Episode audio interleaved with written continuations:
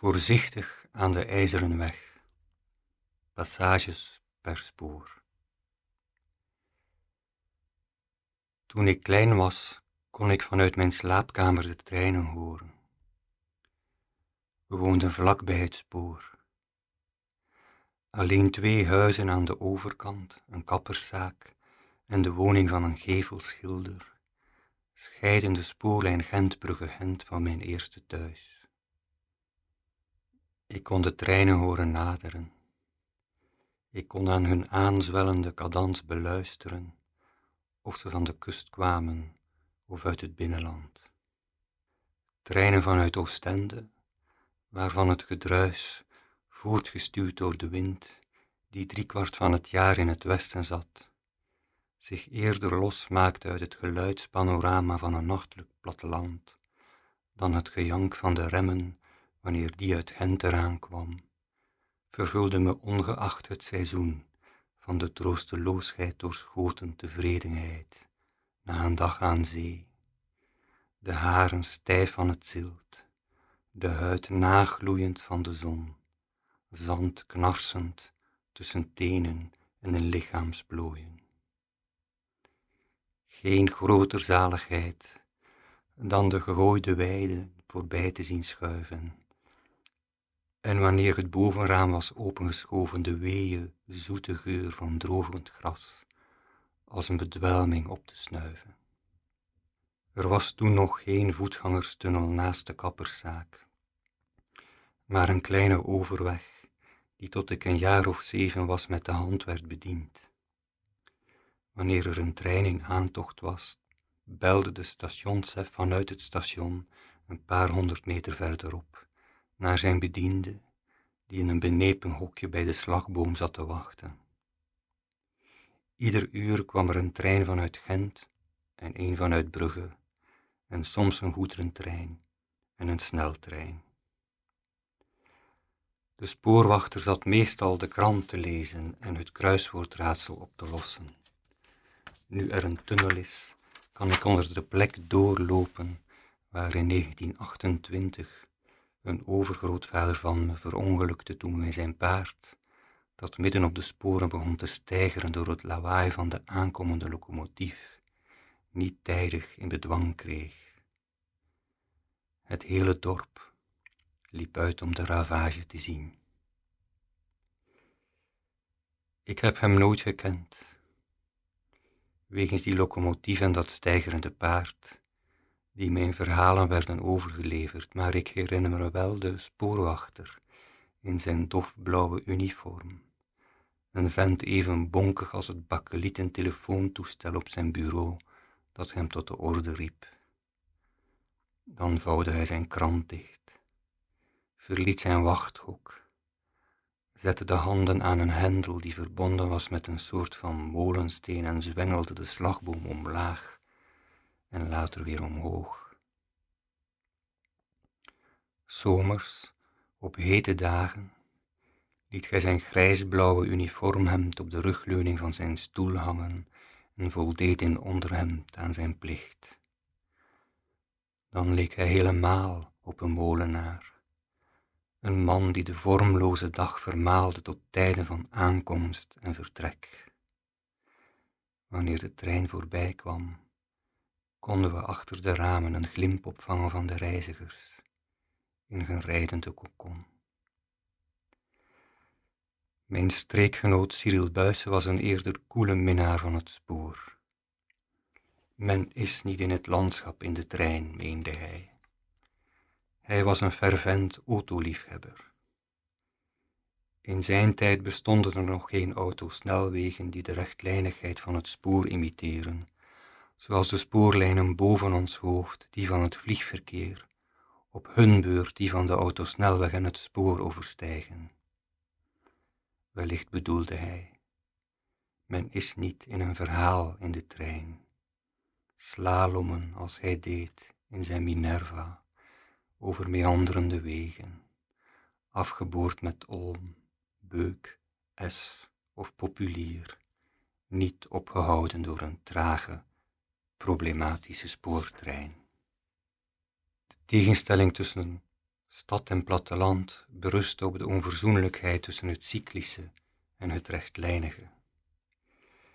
In mijn kinderjaren was het dorp nog grotendeels een middelpunt zoekende gemeenschap, die zich op het spirituele vlak richtte op de centraal gelegen kerk en voor het politieke op het al even centrale gemeentehuis, waar doorgaans de lokale adel de lakens uitdeelde. Beide zwaartepunten grepen wonderwel op elkaar in en zorgden voor een sociale damkring die nog het beste omschrijven valt als een officieus feudalisme. De komst van het spoor dreigde die hegemonie te doorbreken. Pastoors hielden vanaf de kansel preken tegen de gevaren van de stad, oorden waar het socialisme en het vrije denken op de loer lagen.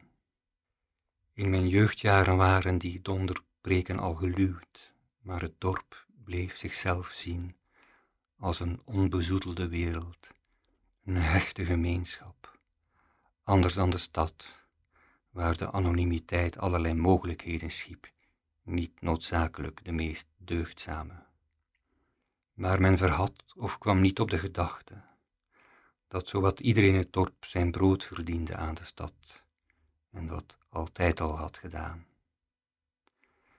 De stedelingen op hun beurt, de burgerij en de adel, vergaten even graag dat de buiten hen niet alleen van groenten, vlees en melk voorzag, maar ongeveer sinds is ook van de dienstmeiden die de rosbief voor ze opdienden, hun lakens verschoonden, de kinderen voeden en af en toe, of niet zo heel af en toe, de driften van hun broodheren opvingen en niet zelden met de gebakken peren bleven zitten. Er werden altijd oplossingen gevonden. Een kleine pachthoeve op kosten van het kasteel, een lap grond voor een varken en een koe. Verder geen vragen en zeker geen antwoorden. Geheimen mochten publiek zijn, maar moesten wel geheim blijven. Iedereen wist wie in het dorp eigenlijk een kind van het kasteel was. Er werd hoogstens over gefluisterd. Niet de trein heeft de dorpeling een vluchtroute geboden onder het paternalisme van kerk en kasteel vandaan, want er werd goed in het oog gehouden wie uit of instapte, maar de auto.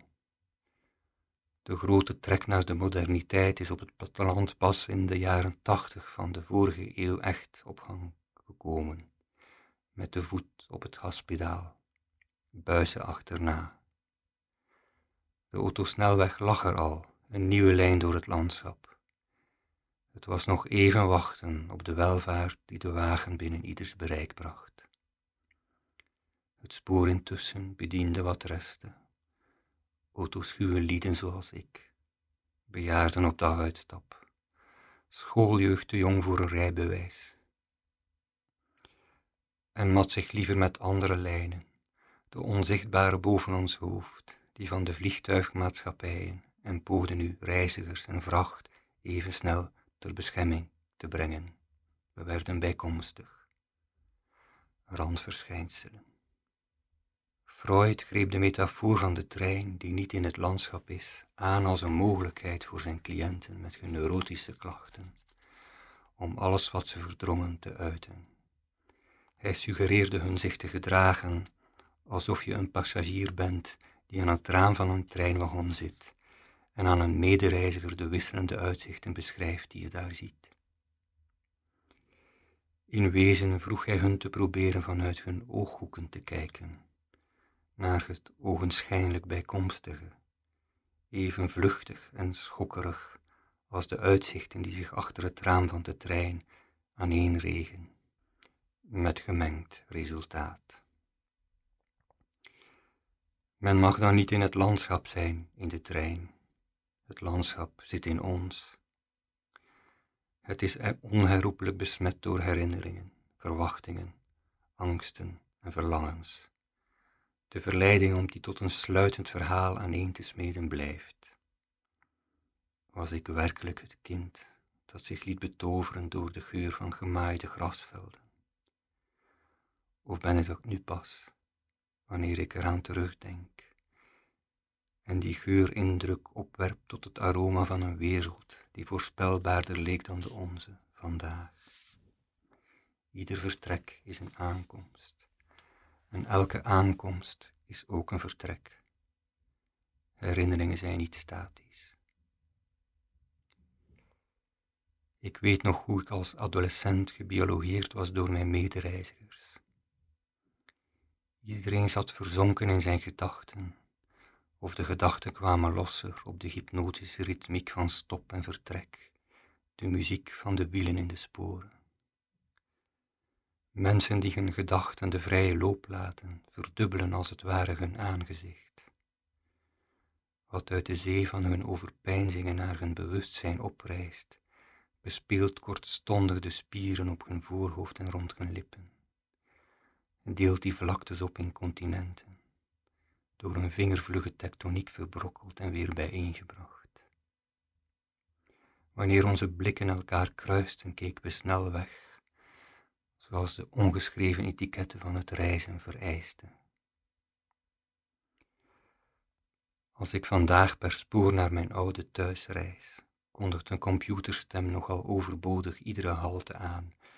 En de meeste passagiers zitten verzonken in hun mobieltje, vegen met de duim over het scherm een processie van beelden en berichten aan zich voorbij. Ze willen niets van de wereld missen, zonder zich af te vragen of de wereld hen wel zou missen. Ze bewegen zich schijnbaar door een eigen ruimte-tijd continuum. De tijd van het spoor viel niet samen met die van het dorp, die aan het uurwerk van de kerktoren hing, en om het half uur plichtmatig de torenklok tot een slag verlokte. Het waren dezelfde uren, maar tegelijk ook andere. Voor de trein mocht je niet te laat zijn. Voor het dorp was de tijd van het spoor een oponthoud, iets wat tot wachten loopte, om van de ene kant naar de andere te komen. Er werd gekeuveld aan de overweg bij de slagboom. De kruiswoordraadsels van het wachten werden er ingevuld. Wie het aanlegde met wie. Of het te droog was of te nat, of de aardbeien zoet waren dit seizoen of niet. En wie er al televisie had en wie niet, en in kleur of zwart-wit. En wie de eerste minirok droeg. Hij omvatte de taille en de zeer voor minirokken geschikte dijen van Annie, de kappersdochter, die even argwanend als begeerig werd beloerd. Maar iedereen was het erover eens dat niemand anders dan Annie beter krunnen legde of kleurspoelingen tot een goed einde kon brengen. Haar kapperstalenten en haar liefde voor de minirok had zij in Lille opgedaan. Men moest wat toegeeflijk zijn, zolang de rokken niet te kort werden en de haren niet te lang. In Lille had Annie ook een Fransman leren kennen met wie ze trouwde. Hij wilde zijn middagmaal niet tegelijk op één bord, vertelde ze, iets wat perplex boven de dampende kapsels, maar groenten en vlees apart, en ook een voorgerecht en dan een dessert, en voor het dessert liefst een salade. Een hele trein van gerechten waar Annie weinig tijd voor had, met haar krullen en kleurspoelingen. Echt Frans, zei dorp bij de slagboom, hoofdschuddend. Sla bij het. Het verbaasde niemand dat Annie's huwelijk van korte duur was. Wonen aan een lijn. Wanneer de slaap niet kwam, wanneer ik bang was in het donker, dreunde ik de namen van de halte zo vaak af, heen en terug, terug en heen, dat die lijn zich aaneensloot tot een cirkel, en de klanken van de plaatsnamen zich door al dat herhalen losmaakten van de vertrouwde beelden, waaraan mijn geest ze had vastgeplakt. En Sint-Pieters, Drongen, Halewijn, Landehem, Hansbeke, Bellem, Aalter, Maria Aalter, Beernem, Oostkambrugge, Oostkambeernem, Maria Aalter, Aalter, Bellem, Hansbeke, Landehem, Halewijn, Drongen, en Sint-Pieters, Drongen, Halewijn, Landehem. Met elke halte werd het woord een vreemdere wereld en de wereld een vreemder oord. Ik heb de taal losgetraind, me op de rug van de klank door de geluidsmuur heen geslingerd, zodat in die nacht een woord en wereld niet langer spoorde. Tussen beide zoek geraakt, luisterde ik of de volgende er al aankwam, of het de stoptrein zou zijn die toen nog omnibus heette, zoals de intercity met een kernachtig gallicisme een direct werd genoemd, wat de schok van de luchtverplaatsing wanneer hij op het perron langs je heen schoot, veel beter uitsprak. Goederentrein klinkt in mijn oren nog altijd stukken minder massief, vervaarlijk en stukken armzaliger dan marchandise, wanneer die donderende processie van met geassembleerde auto's, dorsmachines, staaldraad of silo's, volgestapelde laadwagons, als een lange kutte mastodonten, minutenlang, snuit aan staart, vlak achter de huizen aan de overkant van de straat, over de rails voorbij daverde. We noemden het spoor ook niet het spoor, maar de ijzeren weg, nog een hallicisme. Voorzichtig aan de ijzeren weg riep mijn grootvader ons na wanneer we naar school vertrokken. Als je je gezicht tegen het koele glas van het slaapkamerraam drukt, kun je aan het einde van de straat, waar de bebouwing ophoudt en de weg een bocht maakt, de logge contouren van de wagons voorbij zien schuiven, zonder verlichte ramen, zonder een conducteur te horen fluiten naar de machinist zonder telkens weer opgeschrikt te worden door het frivole gesis waarmee de deuren dichtklappen en het mysterieuze, langgerekte gejank dat weer klinkt zolang de trein aan het perron blijft staan en dat ineens ophoudt, zodat er in de paar seconden voor het gevaarte zich weer in beweging zet, gebalde stilte heerst. Het station, ondertussen gesloopt, was een gedrongen gebouw in donkere baksteen, bekroond met een mansardedak.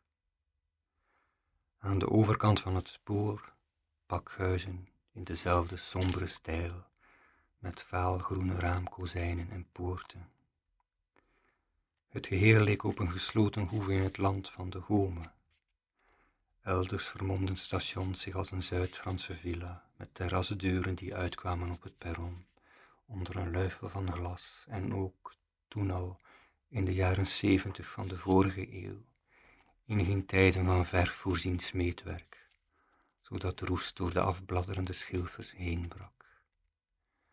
Nog elders verschool het station zich in het uiterlijk van een koetshuis met in de dakruiter een klok, of de minaretachtige torens en kantelen van een middeleeuwse vesting, de hoge brede ramen van een schoolgebouw, het ontoeschietelijke evenwicht van een klassicistische villa, een strenge kazerne. Het was alsof de treinen in hun vaart niet alleen de zaadpluizen met zich meevoerden van planten die normaal gesproken in het heuvelland groeiden, of in de duinen, zodat in de berm van de spoordijk een weelde van verdwaalde flora opschoot, maar ook hele brokken gebouwen die elders thuis hoorden uit de bodem hadden losgerukt en met zich meegezogen. Constantinopel, Marseille, Rome, Madrid, Aix-en-Provence, Halewijn, Warschau, Drongen. We hebben vaak met de trein gereisd toen wij twintigers en dertigers waren, mijn man en ik. In het jaar dat we elkaar leerden kennen viel in Berlijn de muur en het ijzeren gordijn dat Europa scheidde van zichzelf zakte in. Ineens moest het vergeten oosten van het continent en het vergeetachtige westen zich elkaar herinneren. Dat lukt tot op heden niet altijd even goed. We moesten onszelf toen ook herinneren aan wie wij waren. Twee kinderen die niet in de geëikte patronen pasten. Twee jongens die zich moeizaam tot elkaar aangetrokken voelden. We gingen naar Praag toe, in de herfst van 1990 een jaar nadat de Tsjechen, rinkelend met hun sleutelbossen, hun vastgeroeste leiders de laan hadden uitgestuurd en alles gewichtloos was geworden. We namen de nachttrein en waren onbeholpen verliefd. We maakten lacherig en ernstig tegelijk een speels huwelijkscontract op. Voornaamste criterium, beperkt stinken toegestaan. Dat ontlokt me nog steeds een glimlach. Romantische liefdes zijn ondaan van persoonlijkheid, ze zoeken zichzelf, niet de ander, in al zijn andersheid.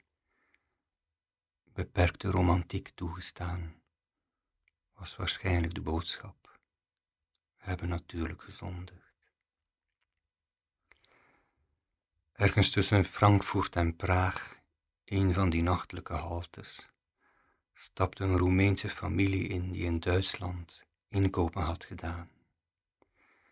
Een gedienstige zoon of schoonzoon laadde indrukwekkende hoeveelheid koffers in, uitpuilend van allerlei huishoudapparaten en verder kinderen en kleinkinderen, en ook een grootmoeder, ingepakt in allerlei corsetten en zwart textiel, die ze op de bank voor ons liet zakken en een immense handtas in de handen klemde. Een humeurige Canadees, die al de hele tijd in een hoekje humeurig had zitten slapen en dus niet had zitten slapen, eiste in het Frans en het Engels hun vervoerbewijs, want volgens hem had de hele bende niet gereserveerd. Hij keek naar ons om medestanders te vinden, maar we zwegen. Uiteindelijk knipte hij balorig het licht uit in de coupé en trok zich terug in zijn humeurige, slapeloze hoek. De grootmoeder slaakte een vergeeflijke zucht en we zuchtten met haar mee. Er verscheen een vage glimlach in het landschap van groeven en rimpels dat haar gelaat was. De trein vertrok weer en rondom haar dommelde de hele familie in, ook de zoon of schoonzoon op het hangpad tussen de koffers en tassen die niet in de rekken pasten. Alleen zij bleef wakker, rechtop zittend, de handen om die immense tas geklemd, tot het station waar ze overstapten. Wat hield haar wakker? Welke waakzaamheid was tot in haar vezels geslopen, tot in haar vingers, die haar monumentale handtas niet één moment loslieten. Ze was overduidelijk een boerenvrouw, haar handen een harnas van eelt, verrieden decennia van gevroet in de bodem. Misschien was die tas voor haar een klomp van de vertrouwde aarde waaraan ze koolgewassen aardappelen, kinderen en kleinkinderen had onttrokken. Ik herkende de taaiheid van de boerenvrouwen uit mijn kinderjaren in haar stevige bottines, haar textiel, de sjaal om haar hoofd die ze niet losknoopte, in alles, ook haar eigen vezels opgetrokken uit onverwoestbaarheid. Ze zou nu ver over de honderd zijn, als ze nog leefde. Ergens in die nacht tussen westen en oosten knipte ze de tas dan toch één keer open op zoek naar een zweetdoek, en uit de diepte van het leder welde de lucht op van chocola en citrusvruchten. En nu, nu ik eraan terugdenk, herinner ik me de extase van mijn ouderverwanten, toen ze vertelden hoe ze als kind bij de bevrijding na de Tweede Wereldoorlog door de Canadese soldaten vanaf hun tanks en jeeps chocola en sigaretten kregen toegeworpen en af en toe een sinaasappel, de meest begeerde buit. We dachten, zeiden ze, dat we erin kon bijten als een appel, en ze trokken het even zure gezicht als wij, Westerlingen, toen een halve eeuw later de volksmassa's uit het oosten zich zo snel als ze konden niet op de, op de dichtstbijzijnde bibliotheken of musea storten, maar op de supermarkten en elektrozaken. We vonden dat platvloers. Althans, wie nooit, ongeveer overal in het oosten, Moskou, Leningrad, Warschau of Leipzig, de lange rijen wachten had gezien. In winkels waar niets te krijgen was, zeker geen citrusvruchten, vond dat platvloers. Het genot een sinaasappel te mogen besnuffelen en daarbij de schil nog even intact te houden, belichaamde een vrijheid die wij zo vanzelfsprekend vonden, dat we haar vergeten waren. Ooit liep ik door een groot warenhuis in Oost-Berlijn waar de rekken er leeg bij lagen. Er waren, raar genoeg, alleen maar nylon teddyberen te krijgen en hele stapels rode biet. Een voedzame combinatie leek het me niet, nog voor de maag, nog voor de geest. Vroeger bestond het station uit een loket en een wachtzaal en een stationschef. Bij het binnenkomen hield toch deur de vertrouwde wereld en die andere, waar afstand niet langer van belang was, van elkaar gescheiden. De stationschef reikte kaartjes uit en nam de telefoon op om de melding van een problematische spoortrein in ontvangst te nemen. Hoe snel en efficiënt de trein ook wil rijden, in al die jaren sinds mijn kindertijd worden er alleen maar vertragingen aangekondigd, nooit versnellingen. De wachtruimte werd voor de sloopkamerherinnering steeds kaler. De loketten waren al in de jaren tachtig dichtgetimmerd. Kaartjes kon je er niet meer kopen. Op een dag meldde een haastig tegen het glas van de tochtdeur geplakt A4'tje met een bureaucratische zin voor het absurde. Om de dienstverlening aan onze reizigers nog beter te kunnen garanderen, worden deze loketten gesloten. Kafka had erom kunnen lachen. Een gat in de schouw tegen de lichtblauw geschilderde muur verriet een spoor van de kolenkachel, die winters de ramen deed beslaan, alsof ze met kalkpapier waren afgeplakt. Het deed er denken aan een sauna. Forensen en schooljeugd op elkaar geplakt, met al hun lichaamswarmte, en dan die kachel, zo heet dat de hoedanigheden die we de hele dag door volgens de wisselingen der geplogenheden aan en uittrekken van ons afsmolten, tot de gestalte blootlegden van het wezen dat we bij het betreden van de wachtzaal werden. Reizigers, passagiers, mensen zonder context, maar met papieren en vervoerbewijzen. Het wezen dat ik ben, vier decennia later, in een wereld die van einder tot einder in één grote transitzone herschapen is, waar je papieren moet hebben om te bewijzen dat je bestaat. Menselijke vracht zijn we geworden, een verhaal van vertrek en aankomst, overstappen, aansluitingen, en daartussen het soort existentiële naaktheid dat wachten heet en de geest uit vergeling laat opgaan in de al te voor de hand liggende erotiek van vreemden in een trein. Mijn vader leerde zo mijn moeder kennen. Hij postbeambte, zij schoenenverkoopster in de stad. Ze zaten weken naar elkaar te lonken, schoven schuchter dichterbij tot ze tegenover elkaar zaten en aan de praat raakten. Wat zeggen prille geliefden tegen elkaar? Niet veel waarschijnlijk, en tegelijk alles. Na een paar maanden durfde mijn vader het aan om mijn moeder vlak voor ze opstond. Ze moest er twee haltes eerder uit, die eerste zoen op de wang te geven, die het begin van alles was. Zonder het spoor was ik hier niet, vloeiden deze woorden niet uit mijn pen. We hangen van toevalligheden aan elkaar.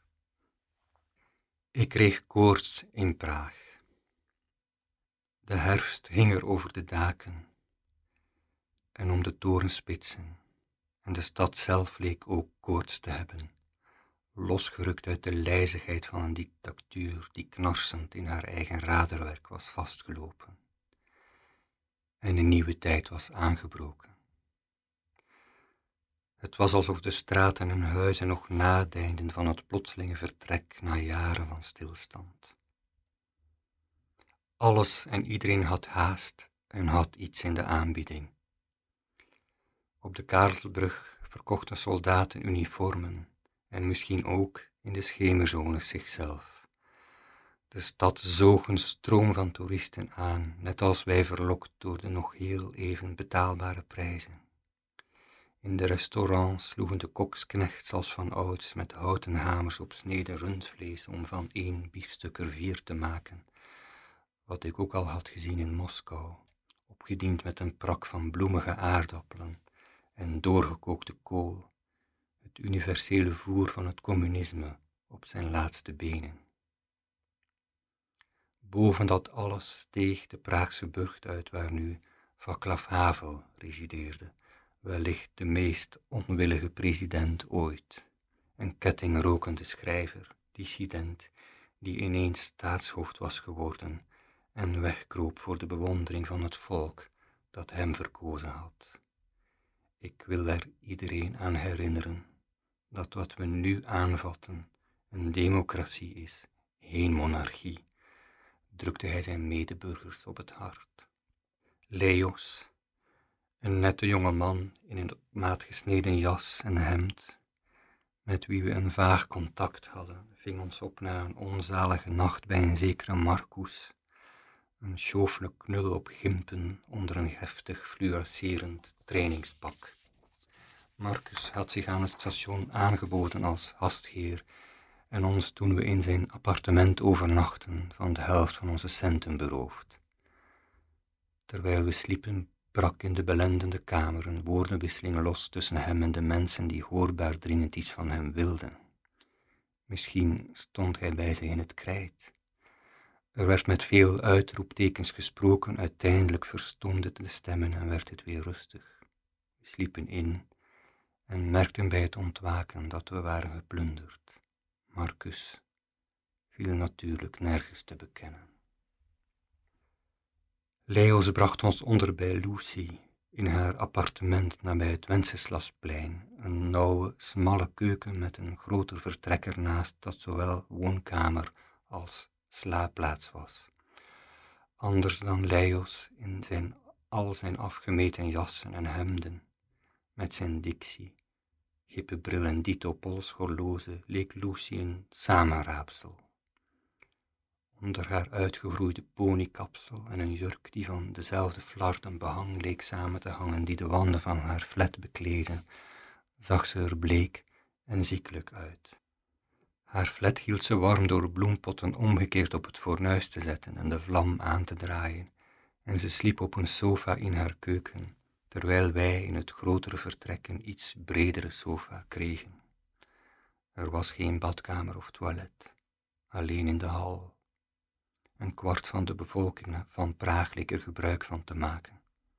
Beperkt stinken was er duidelijk niet aan de orde.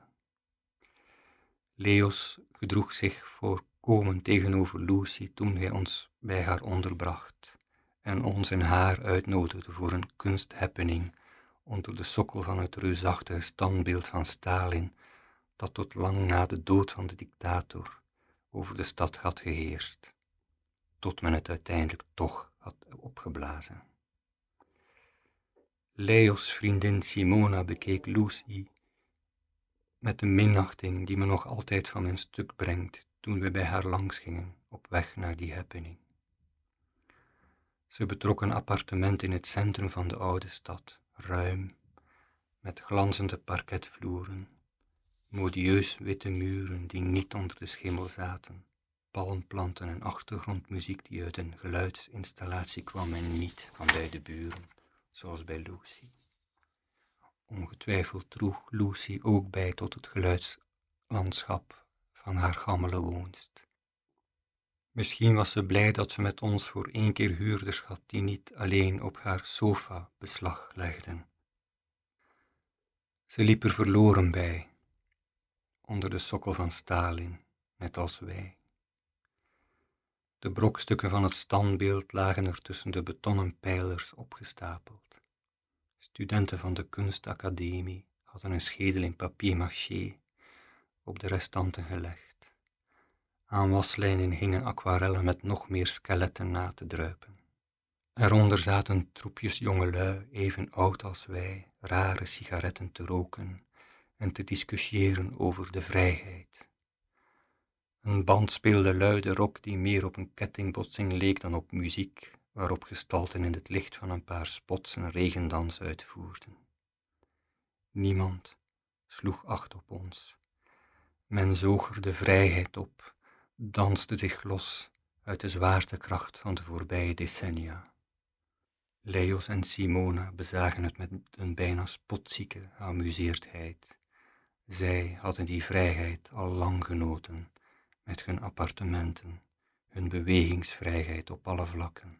Ze waren duidelijk kinderen van de adel van het communisme en zouden vlekkeloos de overgang maken van het ene kapitalisme naar het andere, de ene aristocratie naar de andere. Lucy intussen keek om zich heen in het gedrang en zei in haar gebroken Engels: See you, I have to work. Ik kreeg koorts, de koorts van de liefde, de koorts van een te plotse overgang van de ene wereld naar de andere, het ene spel naar het andere. De ene wereld waarin we bijkomstig waren, naar de andere, waarin we waarschijnlijk even bijkomstig zouden blijven. We zochten de Joodse begraafplaats op, een straathoek van Simona's appartement verwijderd, waar niemand kwam, tenzij ongezien. De graven waren, zoals de Joodse traditie wil, niet met bloemen beplant of met boeketten bezaaid. Op de grafstenen rusten kiezelstenen en tussen die kiezelstenen staken hier en daar briefjes die we niet openden. We zwegen, gingen op een bank zitten, drukten onze voorhoofden tegen elkaar en legden hier en daar een kiezel op een grafsteen. Wij zullen altijd bijkomstig blijven, dacht ik toen. Wezens in wachtzalen, schemerzones, tussenruimtes, gedoogd maar nooit verwelkomd. Zullen ooit wel mogen trouwen en kinderen krijgen en scheiden, maar er zal maar één aap nodig zijn om te verkondigen dat mannen mannen zijn en vrouwen vrouwen en dat mannen en vrouwen samen horen en dat al de rest onnatuurlijk is om alles weer af te breken. Zou er een samenleving hebben bestaan die niet haar ongewensten in het leven riep? Toen ik dertien of veertien was en in de trein naar huis uit het raam zat te staren, had een grijzende veertiger me toegevoegd dat ze onze soort er altijd het eerst uitpikken. Onthoud dat, zei hij. Hij moest er bij de eerste halte uit. Hij zat aan de overkant van het gangpad en hij had me aangesproken terwijl mijn reisgezel, een schoolkameraad, even naar het toilet was. Ik begreep zijn uitlating niet en eigenlijk ook wel. Zijn woorden zijn in me blijven rondspoken. Inwendig houd ik altijd een koffer klaar om, wanneer het nodig is, veiliger oorden op te zoeken. Iedereen kan een doelwit worden wanneer een democratie ontaart, een transportatie, deportatie wordt, over het spoor of niet. We namen de late trein terug uit Praag, de goedkoopste, een paar dagen vroeger dan voorzien. Ik rilde ondertussen van de koorts. We kwamen in een coupé terecht, waar we eerst alleen zaten tot zich vlak voor het vertrekken stel tegenover ons posteerde. Een man die duidelijk niet helemaal man was, wegens een veel te nauwsluitende rok niet mini en ook een pruik die hij of zij af en toe strakker rond de oren trok, liet zich neer op de bank voor ons, vergezeld van een vrouw die ook niet helemaal vrouw was, ondanks haar bloedrode jurk, door even bloedrode wapperende sjaals omspeeld. Ze spraken een raar Duits, zij of hij lacherig in al dat frivole rood en hij of zij in dat grijze vilt doodernstig. Wat het vilt omhulde was even knopig als wat het rode satijn wilde bedwingen. We zeiden, als ze haar corset losmaakt, worden we allebei vermorzeld. We bleven heel huids.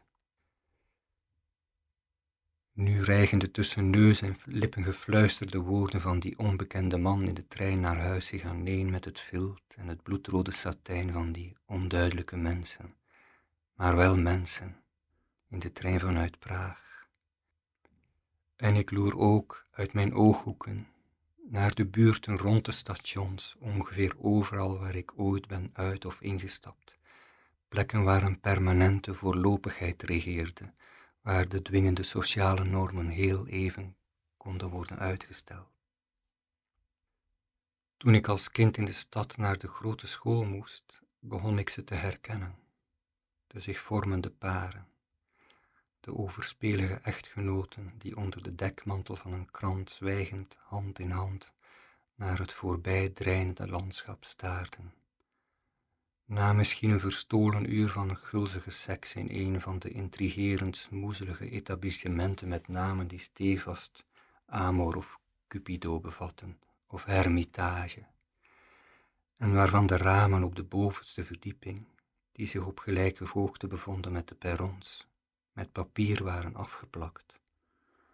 Zoals in de toilethokken in het station de deurlijst en de deurpanelen het voegwerk tussen de glanzende vuilgele tegels aan de wanden zo'n dicht maaswerk vertoont van telefoonnummers, balzakken, pikken, tieten, kutten en suggestieve vlekken dat de toiletjuffrouw, een knokige cycloop met een rokershoest, zich niet langer de moeite getroost om ze schoon te vegen met de in jaren niet meer uitgewrongen dweil in het grijze vocht van de emmer tegen de poot van de tafel waarop ze haar muntgeld ordende. Door dat niemandsland van hele en halve bordelen moest ik naar school en van de school weer naar het station.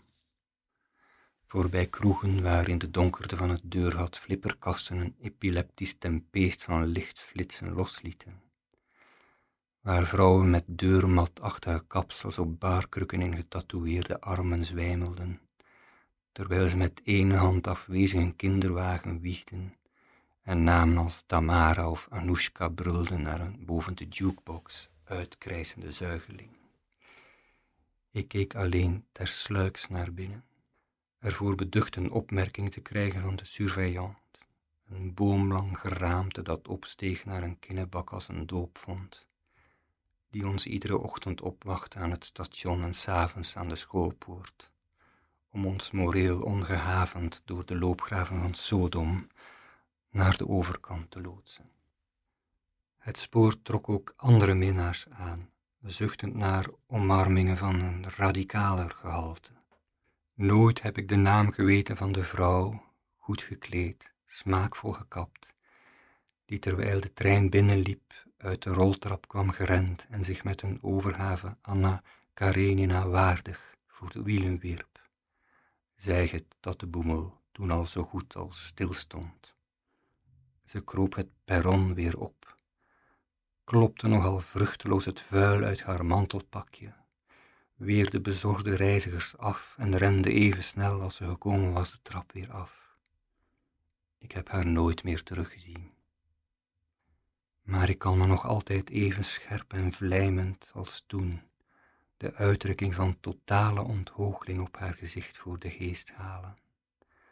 Haar volkomen gebrek aan schaamte, haar verbeten dorst naar de ontmoeting met de dood die ze dat wist ze wel zeker een volgende keer niet missen zou. Welke uitzichtloze affaire had haar ertoe gedreven afscheid te nemen van zichzelf?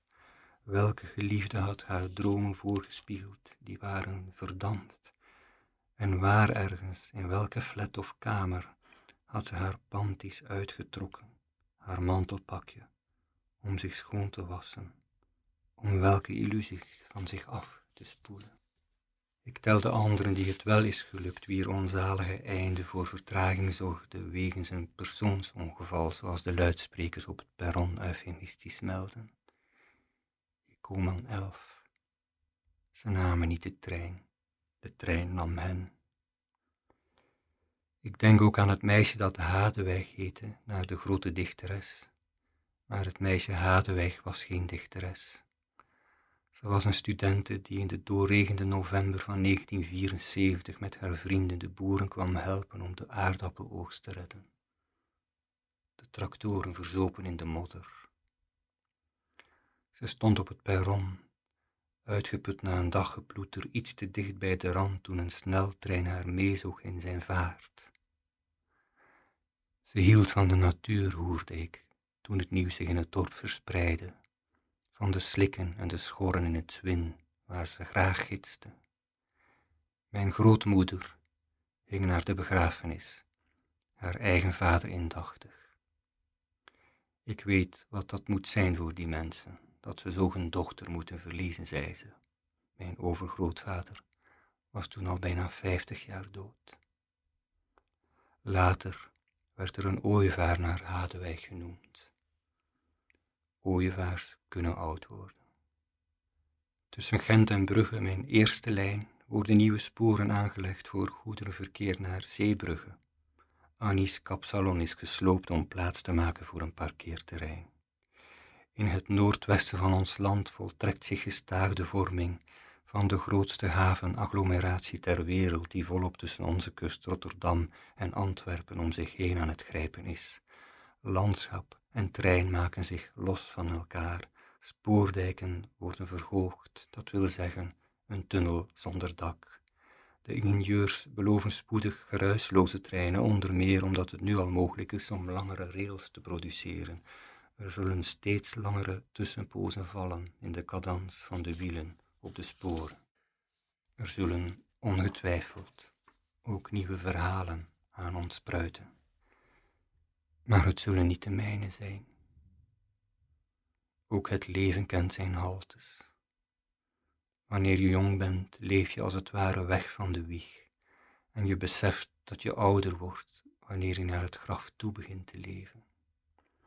Jonge mensen stijgen vaak wanneer ik dit zeg met al die uitzichten die zich nog voor hen uitstrekken. Het landschap achter me begint me in te halen. Ik zie er diepten waar ik vroeger blind voor bleef. Vooralsnog heeft de conducteur het eindstation niet aangekondigd. Kijk tussen Hansbeek en Bellem nu nog kan naar het land ten noorden van de spoordijk. Je zult de grafheuvels uit de bronstijd niet zien, maar ze zijn er wel. Kijk ook naar het kanaal Gentbrugge, herkenbaar aan de bomenrijen, een van de oudste lijnen in het landschap. Ooit een drukke vaarroute, tijdens de godsdiensttroebelen van de 16e eeuw zelfs een tijd lang de grens met het noorden, de scheidslijn tussen geuzen en papen, nu grotendeels verlaten door het scheepsverkeer. De bedding verbergt een nog andere lijn, de Romeinse heerweg naar Keulen, helemaal weggeveegd door de tijd. Al een paar millennia wordt er heen en terug gereisd in mijn geboortestreek, van oost naar west, van west naar oost. De Europese beaumonde tuft over het spoor naar het mondaine Oostende. Leopold II bezoekt zijn maîtresse in het kasteel dat hij voor haar in Beernem liet bouwen door zijn architect Balla. Eén keer laat hij de trein terug naar Brussel, die hij net heeft gemist vanuit Aalter terugkeren. William Beckford, de zusjes Bronte, ze daveren per postkoets over de oude steenwegen naar Gent en Brussel. We leven niet in één tijd, maar in meerdere. We bewegen ons voort per diligence, op de punt van een raket, het dek van een schoener. We dragen de reispapieren van tallozen in ons mee en bewegen ons door een ruimte die rondom ons krimpt of uitzet. Toen ik nog heel erg klein was, meende ik dat de trein niet bewoog, maar stil bleef staan, en dat ergens ver voorbij de horizon, in oost en west, machines of mensen het landschap in beweging brachten zodat het als een lopende band onder de wielen doorrolde. Eigenlijk geloof ik die kinderdroom nog steeds. Ik zie hem elke dag onweerlegbaarder bevestigd.